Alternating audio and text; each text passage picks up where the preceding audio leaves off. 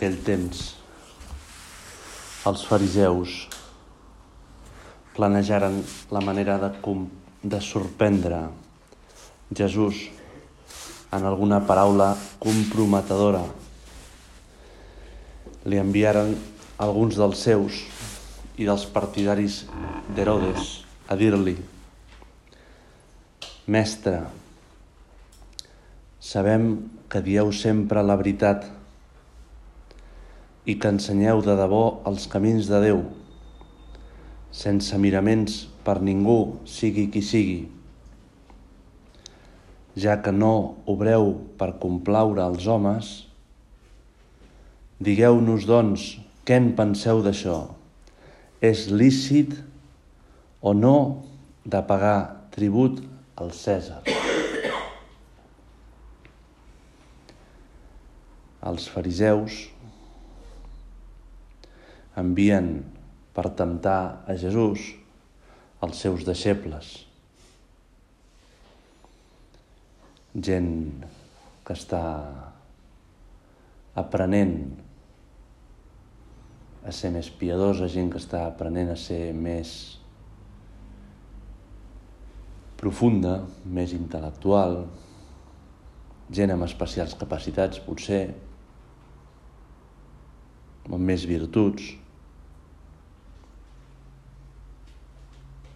gent els que el Senyor el veuria i diria, però quines persones tan impressionants, quin potencial tenen a la seva vida.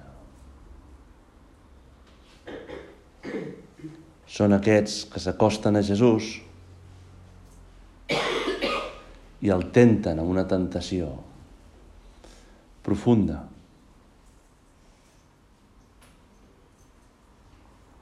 Nois joves, en teoria senzills i purs, que volen ser més piadosos,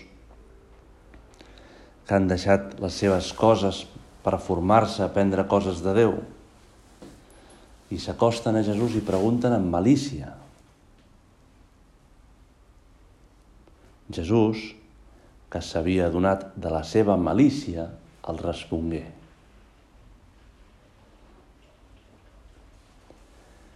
És l'Evangeli d'aquesta aquest, setmana diumenge 29.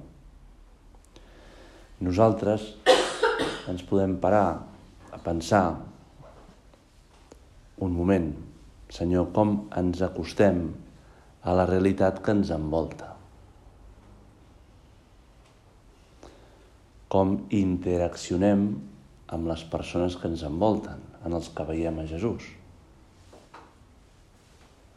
com lluitem per purificar la nostra interioritat de la malícia que hi ha en el nostre cor.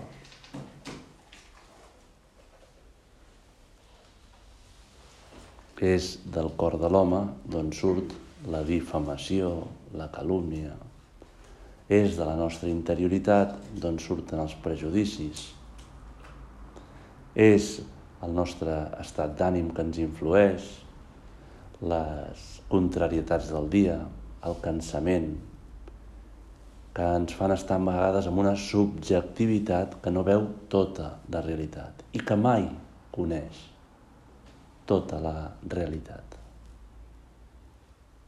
la intenció de l'altra persona. A més, estem envoltats de crítica, de difamació, de falses assumpcions, estem envoltats de projeccions, expectatives, prejutjar. Molts comentaris del nostre dia tenen un matís negatiu, un vernís de crítica o de prejudici. Piensa mal i acertaràs, ens diuen des de que som petits. Amb això és fàcil, Jesús, que ens acostem, els que ens envolten, que ens acostem a tu, sense aquesta senzillesa, sense aquesta apertura, sense aquesta interioritat purificada. I per això hem de pensar, Senyor, com em relaciono, Jesús, amb els que m'envolten, en els que, hi veig, en els que et veig a tu. M'acosto a la gent que veig, a la gent que em trobo, com aquests joves maliciosos que han deixat que el prejudici dels seus mestres els influeixi. Cap d'ells no mira a Jesús i li diu, va, aquesta pregunta és per enganxar-te, és, ja, ja t'hem condemnat abans. Cap d'ells no es para dient aquesta pregunta. No cal ni que te la faci perquè és que no, tant me fa el que et diguis. Em buscaré una altra per condemnar-te.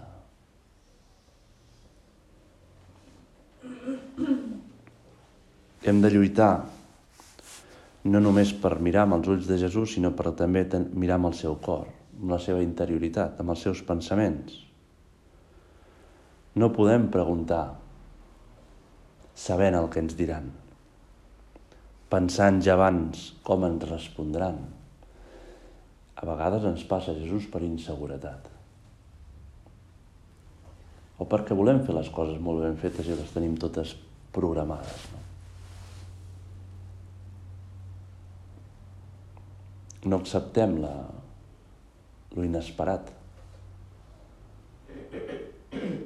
En el fons és un amor possessiu quan no acceptem que l'altre reaccioni com ell és. No? Ens cal molta sinceritat interior, molt posar-nos davant teu, Senyor, de veritat, i demanar-te que ens facis veure si deixem entrar pensaments crítics, si deixem flotar pel nostre interior, com aquests núvols de tormenta, pensaments negatius, visions esbiaixades, que ens semblen perfectament justificades, eh? si els deixem flotar pels nostres pensaments sense tallar-los com la maldat que són. Jesús veient la malícia. És forta la paraula. El mal. Set líbranos a malo. Lliureu-nos del mal.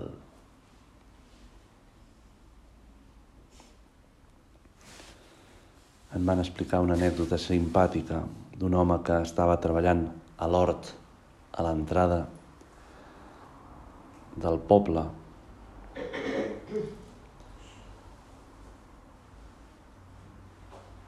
Va parar un cotxe. A dins hi havia tota una família carregada amb maletes. Li van preguntar, venim a viure aquí. Com és la gent d'aquest poble? El pagès amb aquella saviesa de l'experiència, els hi va dir com era la gent del poble on vivíeu? El senyor va posar mala cara immediatament. Uf, molt tancats en si mateixos, poc acollidors, aspres, freds. El pagès els diu, quina llàstima, heu vingut a un poble igual. Em sap greu. Em sap greu. I aquests van marxar a llogar un pis a una ciutat que estarien molt a disgust. Al cap d'unes hores va passar un, el mateix amb un altre cotxe, un altre cotxe carregat amb una família amb totes les maletes. I van preguntar el mateix. I el pagès els hi va contestar el mateix. Com era la gent del poble on veníeu? I aquests van contestar amb un somriure. Oh, venim d'un poble meravellós. Ens ha costat molt marxar. Eren, érem tan feliços. Tanta gent bona. Tants detalls bonics. L'home, el pagès, amb un somriure els hi va contestar. Of, aquí estareu igual de feliços. La gent és molt bona, acollidora, tendra, té uns detalls increïbles. sereu molt feliços. I és una realitat. Mirem com ens sentim mirats. Mirem com esperem trobar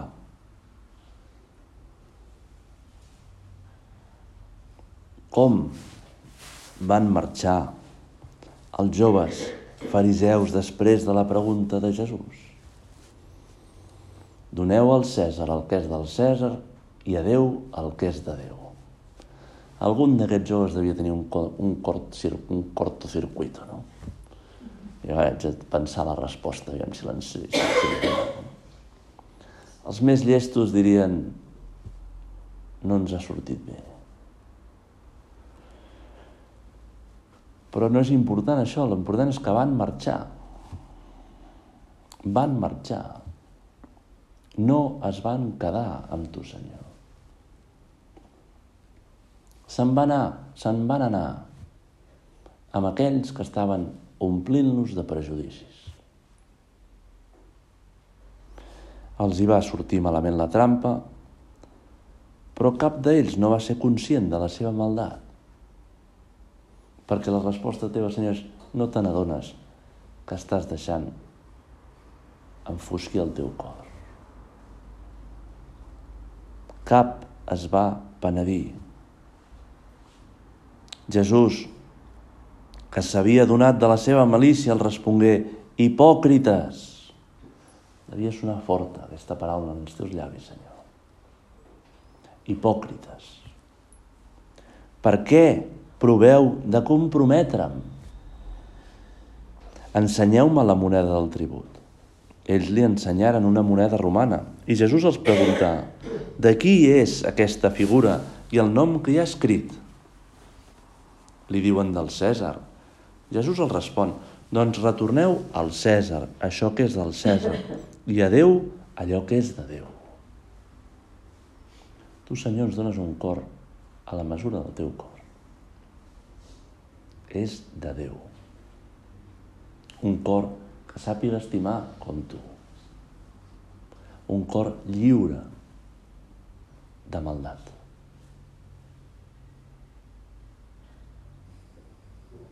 Un cor que no tingui judicis crítics, que no tingui pensaments negatius. Potser jo també, Jesús, em mereixo que m'estiris l'orella. Les dues orelles. Hipòcrita. Perquè tants moments puc tenir pensaments crítics. Interiors, que no he tallat a l'instant, que no he lluitat prou. Potser m'he cansat de tenir-los i, i els deixo que flotin per allà. També em trobo en el meu interior una malícia que haig d'aprendre a purificar més, que haig d'agafar forces per purificar més.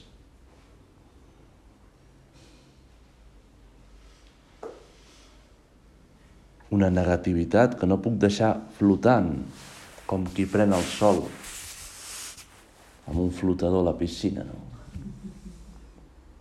Que et vas movent i allà estan els pensaments. No? Jo em vull quedar amb tu, Senyor. I que tots els cops que faci falta em diguis hipòcrita. Però no me n'aniré. Perquè ho sóc, Jesús. Sé que sóc hipòcrita. Sé que tinc pensaments negatius. Sé que per la meva boca no surt tota la veritat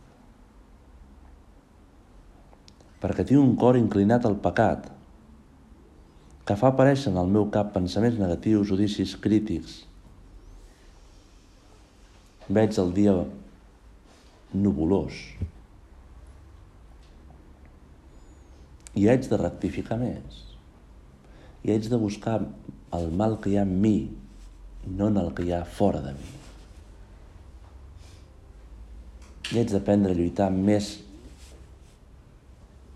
contra aquest mal i no perdre's forces lluitant o criticant o pensant malament o canviant els altres. Hem de dir molta força, Senyor, vull purificar el meu interior. Vull aprofitar la teva gràcia per purificar el meu interior. Vull escoltar la teva veu, que em faci veure les ocasions en què em mereixo aquesta paraula, hipòcrita. Perquè vull mirar amb els teus ulls i sentir amb el teu cor, amb el teu interior. Sé que això és molt difícil. Jo sol no ho aconseguiria mai. Però tinc la teva gràcia. Tu me la dones. I estic segur que no falla mai. I sé que tu, Senyor, sempre em diràs les coses si jo em deixo que me les diguis. Sempre que em posi davant teu amb sinceritat, disposat a escoltar de veritat la teva veu, m'ho diràs. Aquest enfado, aquesta distància amb aquesta persona, no surt del meu orgull? No hi ha una arrel de prejudici, de judici crític? No és degut a les teves expectatives fracassades? Doncs retorneu a Déu allò que és de Déu. Tota la meva interioritat, Jesús, et pertany. És la casa on Déu vol habitar. No sabeu que sou temple de l'Esprit Sant i que Déu habita en vosaltres. No sabeu que el vostre cor, els vostres pensaments, és un sagrari on Déu està. Ho és, eh? Tota la meva interioritat, els meus pensaments, sentiments, anels, desitjos, emocions, tot és de Déu. I això és maquíssim com aquests pagesos que surten a l'hort i van traient les petites males herbes perquè pugui créixer les tomaqueres, les plantes. Jo també haig de fer el mateix, Senyor, quan em vagis mostrant les males herbes, que les vagi arrencant. Sempre surten males herbes. Dirà el que té l'hort. I diem nosaltres, Senyor. Tota la meva interioritat, Jesús, et pertany. Soc teu. Torneu a Déu allò que és de Déu. Haig de lluitar, Senyor, per retornar-te a la meva interioritat. Molts cops al dia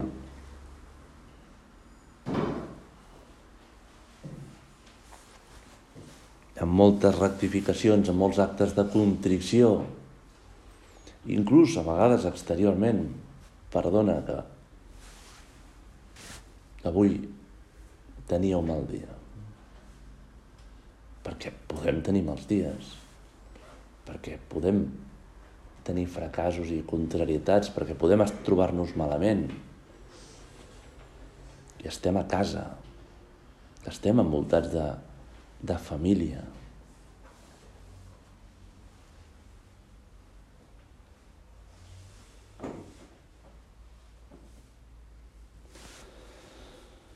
em van explicar una història d'una senyora que anava a agafar un autobús de llarg recorregut, una estació d'autobusos que surten diferents busos cap a diferents destinacions.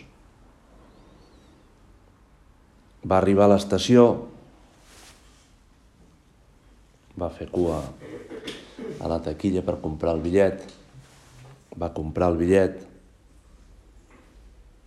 va preguntar l'horari per verificar si sortia al cap de poc temps. L'home que hi havia allà li va dir que no, que sortia més tard, que havien canviat els horaris, o que no el tenia bé.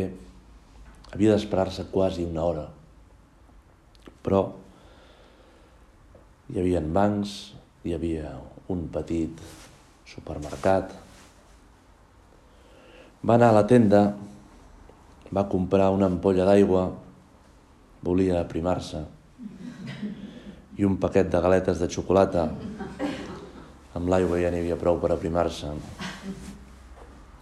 es va asseure a l'estació, va treure el mòbil i es va posar a navegar, es va submergir el mòbil. Instagram, TikTok, no sé què va mirar. Al cap d'una estona va sortir del seu de, de la seva navegació i va descobrir que al seu costat s'havia assegut una persona molt mala pinta. No sé si tenia els pèls de diferents colors, o en punta, o si tenia arracades, piercings, o tatús, el que, el que fos. No? La qüestió és que molt mala pinta. Per dins va pensar que desagradable tota l'estació buida, molts bancs i s'asseu aquí al costat. I fins i tot li va semblar percebre que feia mala olor. Per treure el mal gust, va obrir el paquet de galetes que estava just al seu costat entre l'home desagradable i ella. Va obrir el paquet i va menjar una galeta. Mentre mossegava la galeta, saborejava la xocolata, prohibida. Va contemplar com l'home agafava el paquet de galetes i agafava una galeta. Es va indignar, però no es va atrevir a dir res. Va esperar una altra estona, va agafar una altra galeta va mirar de reull a veure què feia l'home. Pensant, no s'atrevirà. L'home es va atrevir. El desgraciat es va atrevir a agafar una altra galeta. I així va passar tota l'hora d'espera amb aquest joc del gos, del gos i el gat menjant una galeta cada un cada estona. Al final només quedava una galeta perquè l'altra estava triturada. La dona no l'agafava, esperant, dient, ara no s'atrevirà a prendre'm l'última galeta. Però sí, l'home va allargar la mà, va agafar la galeta, la va partir en dos i es va menjar només la meitat de la, de galeta.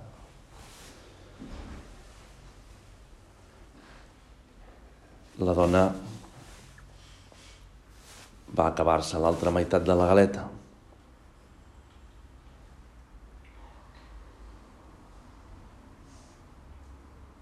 Malgrat la dolçor de la xocolata, no se li va passar l'amargor d'haver passat la pitjor hora de la seva vida.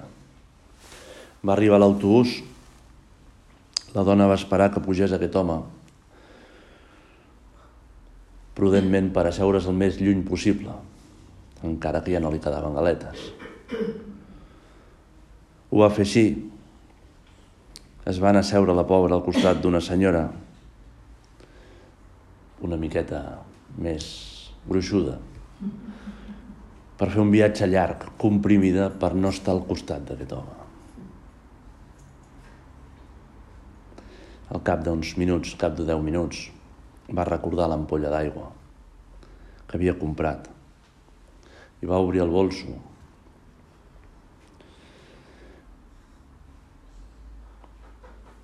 A l'obrir-lo va descobrir que al costat de l'ampolla d'aigua hi havia el seu paquet de galetes. Va quedar bloquejada, però va tardar poc en descobrir i en deduir que s'havia menjat la meitat, exactament la meitat, de les galetes del desgraciat, mal olorós, esperpèntic home que se li havia sentat al costat.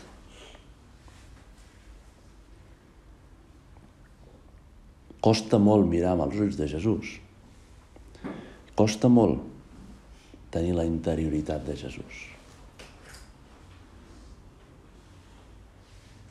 Costa mirar a qui ens ha ferit. Així, amb aquests ulls i amb aquests pensaments, i amb aquesta puresa de cor.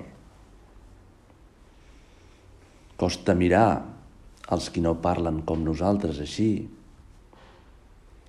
els qui no pensen com nosaltres així, els que tenen una altra cultura. Costa molt.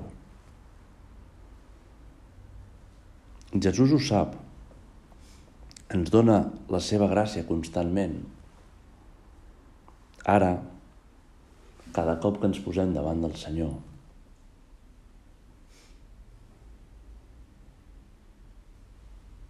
una vegada una psicòloga em va dir una frase que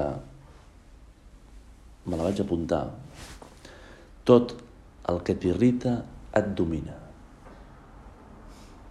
Tot el que t'irrita et domina, però no per fora, sinó per dins, perquè depens d'allò, perquè la soberbia es desperta, perquè la impaciència es desperta, perquè no ets lliure.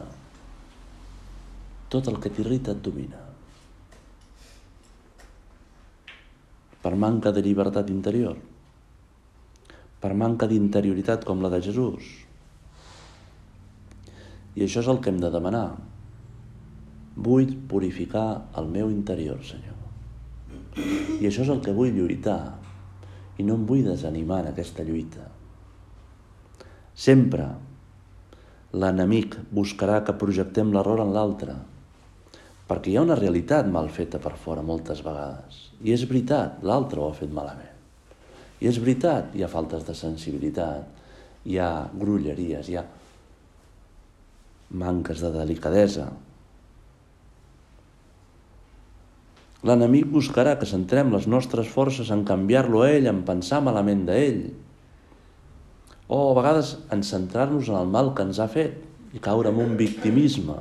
No em mereixo que et tractin així. O ens centrem en l'altre que ho ha fet malament o en el mal que ens han fet. I Jesús em mira i perquè m'estima molt, molt, s'atreveix a dir-me hipòcrita. Centra't en tu.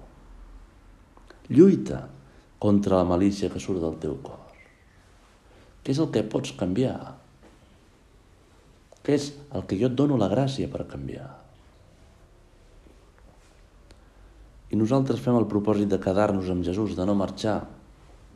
Sabem que amb ell trobarem la gràcia per estimar i mirar els altres amb els seus ulls i amb la seva interioritat.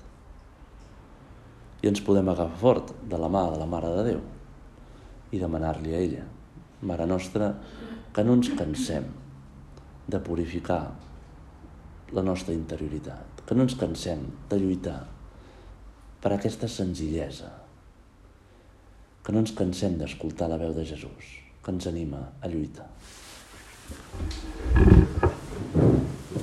Us